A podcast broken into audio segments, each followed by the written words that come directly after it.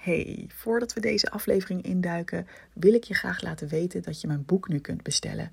Het heet Goed genoeg 50 tips om je perfectionisme los te laten. En je kunt het bestellen via evelienbijl.nl/slash boek. Ik ben super benieuwd wat je ervan vindt.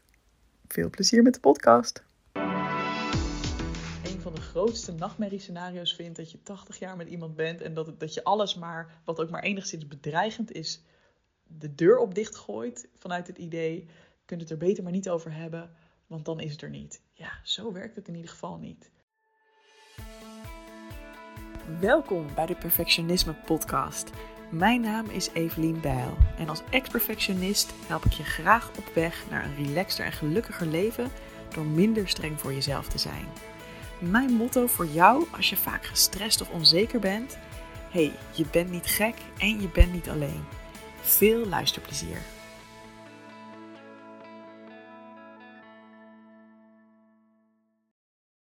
Hey, leuk dat je luistert naar deze podcast. Ik moet gewoon even wat inspreken, want ik heb net een fantastisch gesprek gehad met iemand die ik coach um, in mijn programma The Edge. En dat gaat over een fucking fantastisch leven leiden. Het is nu niet, uh, op dit moment dat ik deze podcast opneem, niet open om uh, in te schrijven. Maar um, ja, waar dat over gaat, is dus dat je heel erg naar je verlangens gaat luisteren en je verlangens gaat volgen. En ik zal zeker niet te veel details delen, want het is natuurlijk hartstikke privacygevoelig. Maar deze deelnemer kwam uh, in, ja, in een situatie die ik eigenlijk wel heel erg herken. En um, dat is dat je soms een verlangen kan hebben naar bepaalde um, dingen buiten je relatie. Of misschien zelfs wel binnen je relatie, maar wat niet altijd helemaal vervuld wordt. Uh, denk aan bijvoorbeeld bepaalde spanning op seksueel gebied. Ik noem maar wat.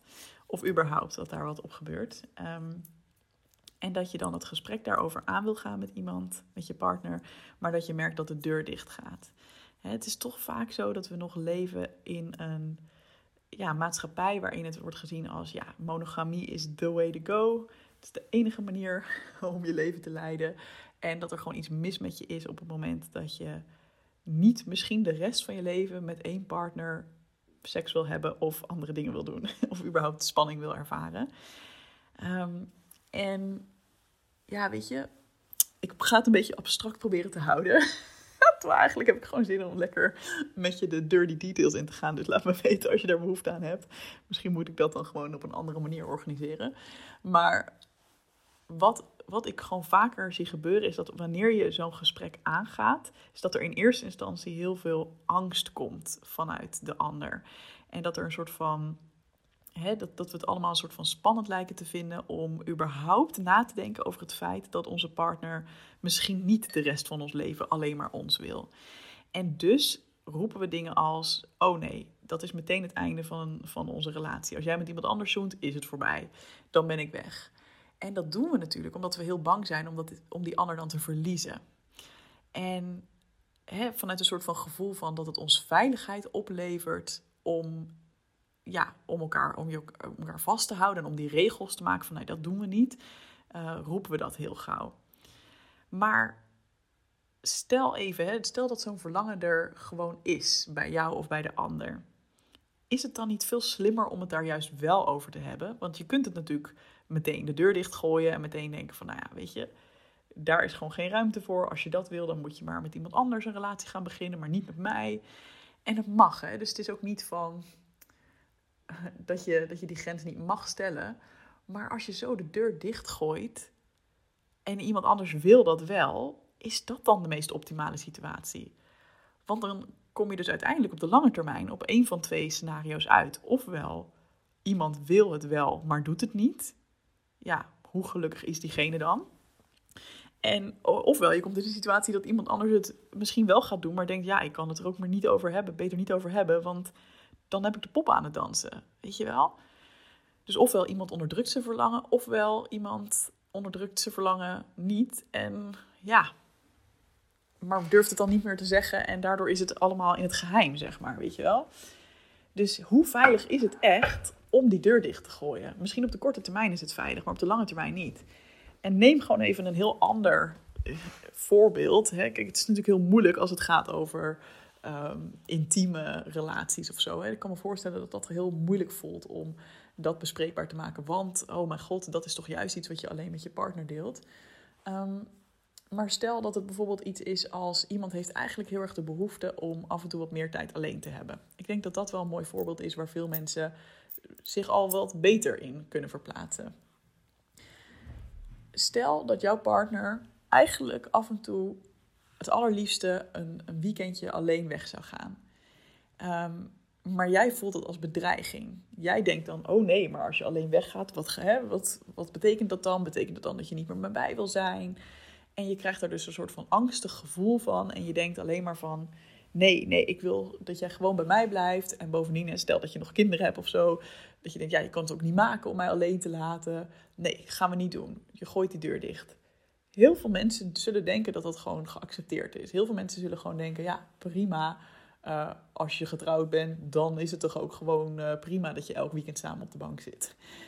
Maar hoe fijn is dat nou echt? Hoe fijn is het nou echt als jouw partner daar echt behoefte aan heeft? Of jij, misschien ben jij diegene. En dat je elkaar dan gevangen houdt van nee, jij moet de hele tijd bij mij zijn. Er ontstaat dan toch gewoon langzaam maar zeker een soort van verwijt. Een soort van onderhuids iets van ja, ik wil eigenlijk dit, maar dat mag niet. Ik wil eigenlijk dit, maar dat kan mijn partner niet aan. Dat is toch helemaal niet prettig. dat wil je toch helemaal niet? En ik snap het wel hoor, dat je de korte termijn en je ego op de korte termijn denkt van nee, ik hou diegene het liefst bij me, want dat is fijn en dan, dat vind ik het allerbeste en het allerfijnste. En het doet misschien wel even pijn als die ander ook erkent van ja, ik, ik zou eigenlijk ook wel af en toe even tijd zonder jou willen. Ik snap dat, hè. op de korte termijn is dat echt een ego-kwetsuurtje van oh, vind je mij dan niet altijd leuk en gezellig en fantastisch. Maar het zegt toch ook helemaal niks over jou als die ander tijd met zichzelf wil doorbrengen het maakt jou toch niet minder waard of een minder goede partner of minder leuk omdat die ander even tijd voor zichzelf nodig heeft. Nee, het is gewoon een behoefte die los van jou bestaat en die ook heel gezond is, want we zijn nou eenmaal losse individuen, weet je wel. Ehm, ja. En kun je je voorstellen wat het doet als jij die ander toestaat om dat weekendje weg te gaan? Kun je je voorstellen wat voor, hoe lekker dat dan is als diegene weer terugkomt en hoe ja, hoe blij diegene dan weer is, hoe opgeladen. Juist ook door even die afstand te nemen, kun je daarna weer helemaal lekker samen zijn en daarvan genieten. Dat vinden we denk ik best wel logisch. Weet je, daar ging mijn vorige podcast ook over. Tijd alleen doorbrengen wanneer je een partner hebt. Of ik zeg nu mijn vorige podcast. Het kan zijn dat er tussendoor nog een ander is geüpload. Maar dat vinden we denk ik heel logisch. Maar als, op het moment dat we dan trekken naar bijvoorbeeld zoenen met iemand anders... of weet je wel, andere dingen ervaren met iemand anders, dan is het meteen vet bedreigend. En nee, en daar beginnen we niet aan en dat kan niet. Maar ergens gaan daar dezelfde dingen voor op, toch? En het is niet dat ik hier nu alle antwoorden op heb, want ik vind het zelf ook fucking ingewikkeld. Ik ben ook best wel jaloers. dus ik zou ook echt niet pretenderen dat ik nu helemaal uh, the way to go heb gevonden.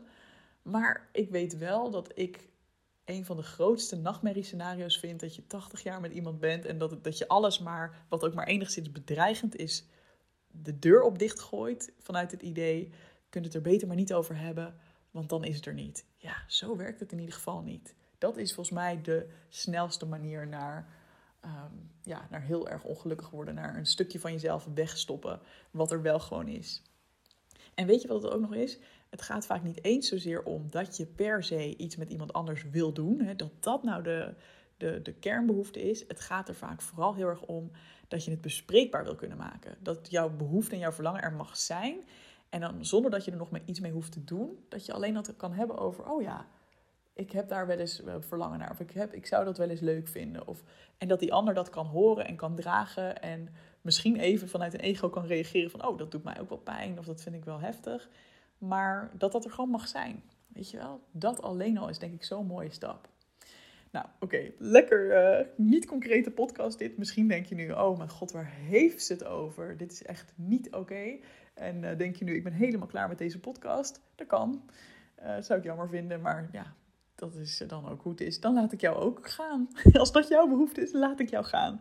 En misschien gaat er juist dan een vuurtje in jou branden van, ja, fucking hell of het nou op het gebied van uh, zoenen is, of erotiek, of gewoon tijd alleen doorbrengen. Of weet je, welk verlangen heb jij waarvoor je eigenlijk niet helemaal durft uit te komen, omdat je bang bent dat jouw partner misschien wel, of jouw omgeving in bredere zin er negatief op zal reageren. Ik ben heel benieuwd. Je mag het me altijd laten weten in een Instagram DM.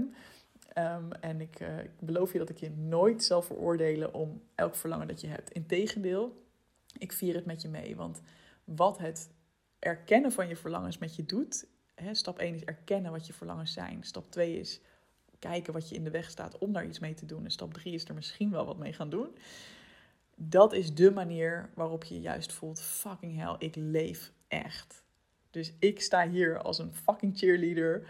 Um, klaar om al jouw verlangens met jou te vieren. Ook als ze misschien niet mooi en keurig en perfect en proper zijn. Alright, hele fijne dag verder en graag tot de volgende podcast. Hey, daar ben ik weer. Net nadat ik deze podcast opnam, dacht ik: ja, die edge is nu niet open. Maar hoe vet als je wel kan inschrijven voor de wachtlijst. Dat als ik weer een volgende ronde organiseer, dat jij als eerste een berichtje krijgt over dat de deuren weer open gaan. Nogmaals, die Edge is dus mijn programma dat helemaal gaat over verlangens, ontdekken bij jezelf en daar echt voluit uh, ja, in gaan leven, zeg maar.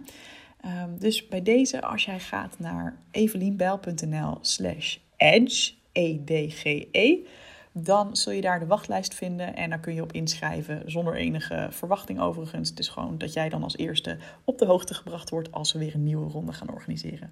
Alright, alvast van harte welkom. Groetjes!